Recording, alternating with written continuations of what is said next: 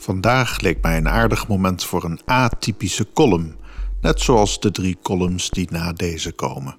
Dus als u echt een liefhebber bent van hoe deze column doorgaans de revue passeert, dan is dit een uitstekend moment om uit te schakelen.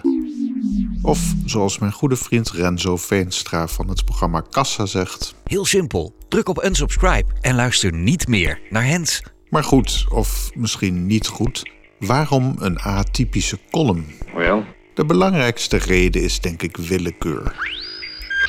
Maar het is ook zo dat als ik mezelf nog één keer elektromagnetisch hoor zeggen, dat ik dan onpasselijk word. Zoals u wellicht weet, krijg ik aan de lopende band vragen van luisteraars van deze column, uiteenlopend van hoe de tijd verloopt in een zwart gat tot wat zich afspeelt aan de randen van onze waarneming. Uiteraard doe ik mijn uiterste best uw vragen zo goed mogelijk te beantwoorden, maar er is ook een vraag die veel van ons bezighoudt en eigenlijk toch niet te beantwoorden valt. Waarom ben ik hier? We kunnen natuurlijk een flauw antwoord formuleren, iets van u bent hier omdat papa niet van mama af kon blijven. Althans, dat zal voor de meeste van ons kloppen. Maar met zo'n antwoord zou ik u tekort doen, dus vandaag wat bespiegelingen om enigszins zonder kleerscheuren langs de vraag der vragen te laveren. Doe er uw voordeel mee of stuur uw haatmail naar henszimmerman.gmail.com Laten we met een lichtgewicht inzicht beginnen. Mijn favoriete non-fictieschrijver is zonder twijfel Gerald Weinberg. Het volgende komt uit zijn boek Understanding the Professional Programmer. Ik zal het zo goed mogelijk vertalen, want meer dan enkele seconden van mijn Engels en een groot gedeelte van u zal met bloedende trommelvliezen afgevoerd moeten worden naar de afdeling KNO van het ziekenhuis bij u in de buurt. Weinbergs Wet van Tweelingen. Een vrouw stapt de bus in met acht kinderen.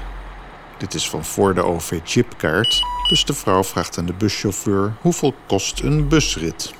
3,50 euro voor iedereen die boven de 5 jaar is, antwoordt de buschauffeur.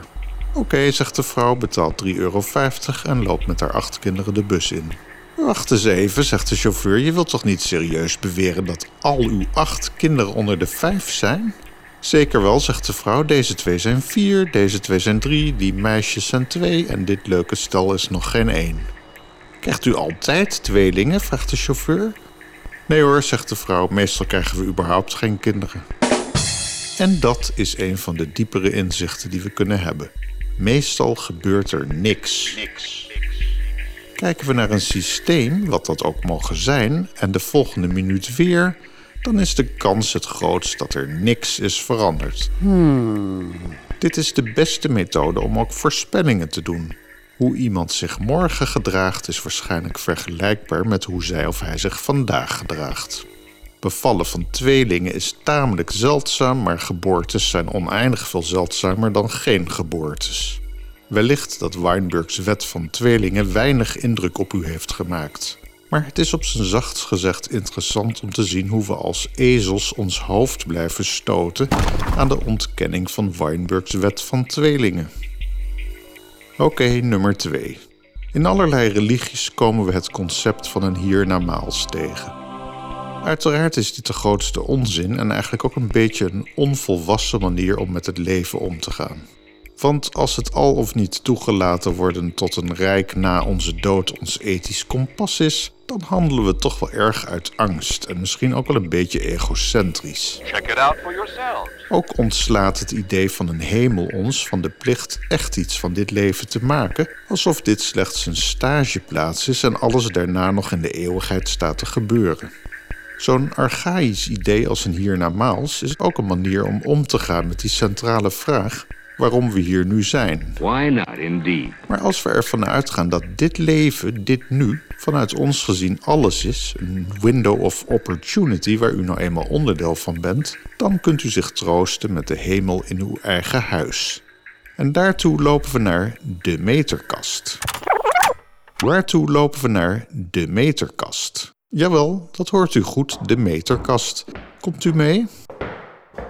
Gearriveerd bij de meterkast kunnen we een paar blijde dingen opmerken. Het eerste is dat u binnen bent in iets wat u op dit moment als uw eigen woning kunt beschouwen. Het tweede is dat u een meterkast hebt. Een groot percentage van de aardbewoners beschikt niet over een meterkast. Misschien heeft u, net als ondergetekende, een kopje thee meegenomen. Staat u wel goed stil bij het extreme comfort van een woning, een kopje thee en een dak boven uw hoofd? Mooi. Dan openen wij nu de deur naar de hemel. Ik bedoel natuurlijk de meterkast. Hier komen doorgaans aardgas en elektriciteit uw woning binnen en voor veel van ons ook internet. Dit laatste kan de komende jaren weer veranderen als Starlink een alternatief blijkt te zijn voor glasvezel-internet zoals we hier in Beeldhoven mogen genieten. Maar goed, elektriciteit en internet, het stroomt uw woning binnen. Dat aardgas moeten we natuurlijk eigenlijk vanaf. Weet u wel hoezeer u er goed voor staat als elektriciteit en internet gewoon uw woning binnenkomen? Een ander ding om te overdenken terwijl u uw stroommeter vrolijk rondjes ziet draaien, is dat veel van uw minder interessante bijproducten ook in de buurt van de meterkast uw huis weer verlaten. U hoeft alleen maar de stop ergens uit te trekken of door te trekken. Deze extreem gunstige facetten van uw bestaan, waarmee we oog in oog staan bij onze meterkast, maken dat u een zee van tijd over heeft voor allerlei andere zaken. Na deze hemelse aanblik gaat de meterkast maar weer dicht en gaan we naar de volgende life hack. Deze komt uit de Hitchhiker's Guide to the Galaxy van Douglas Adams. Hierin wordt het concept van een SEP geïntroduceerd. Of what do you speak? SEP staat voor Somebody Else's Problem. Iemand anders probleem. No shit, Sherlock. Een SEP is iets wat we niet zien omdat ons brein het niet aan ons laat zien. Zelfs als we het wel waarnemen, edit ons brein het eruit omdat het geen functie voor ons heeft. Dit gaat zelfs zo ver dat we dingen die we niet verwachten mee te maken ook in hun geheel kunnen missen. Het heeft soms ook een akelige kant. Als kind kon u nog wegkomen met niks doen als de vakantie gepland werd, maar misschien bent u wel die lampstraal die het plannen van de vakantie altijd aan de partner overlaat. Eh, even kijken. Dat is immers somebody else's problem, niet waar? That's something I always do. In het ergste geval heeft u wellicht zelfs een gedachte klaarstaan om te verklaren waarom de vlieger in uw geval niet opgaat.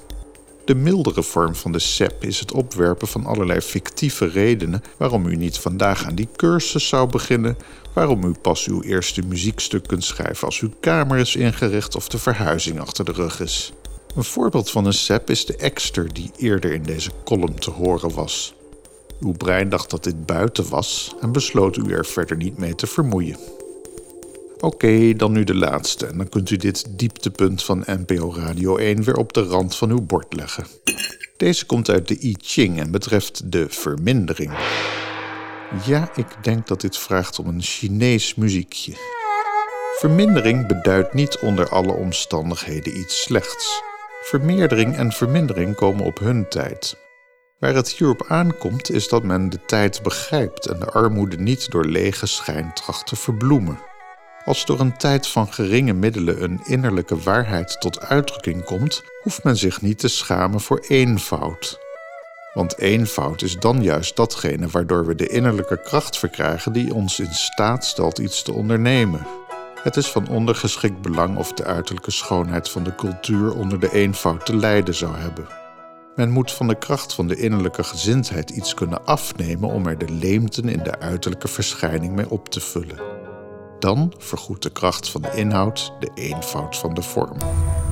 Mocht het u op eigen houtje niet goed lukken deze eenvoud te hervinden en daarin staat u geen sinds alleen, dan is er een alleraardigst gratis boek met de titel You Have Too Much Shit. U vindt het via www.youhavetoomuchshit.com en ik zet wel een link in de show notes. Chris Thomas publiceerde dit boekje onder een Creative Commons 4.0 Attribution Non-Commercial licentie, dus u mag het legaal aan al uw vrienden en familie sturen die zich vooral op het verzamelaargedeelte van onze jager-verzamelaar voorouderinstincten lijken te hebben gestort. Inderdaad zijn de volgende drie afleveringen van Zimmerman in Space ook enigszins atypisch, maar die gaan weer allemaal veel meer over de ruimte en de sterren dan het gedrocht dat u nu om onbegrijpelijke redenen in zijn geheel heeft beluisterd. Volgende week een interview met schrijver Frank Westerman, die een fantastisch boek met de titel Kosmische Comedie heeft geschreven. Om kans te maken op een gratis gesigneerd exemplaar van dit spaceboek kunt u mijn mail sturen. henszimmerman.gmail.com In de nacht van 26 maart aanstaande zullen Kelly Klingenberg en ik op basis van kwantumfluctuaties in NTR Focus Wetenschap één gelukkige kiezen uit alle inzendingen. Tot een volgende keer.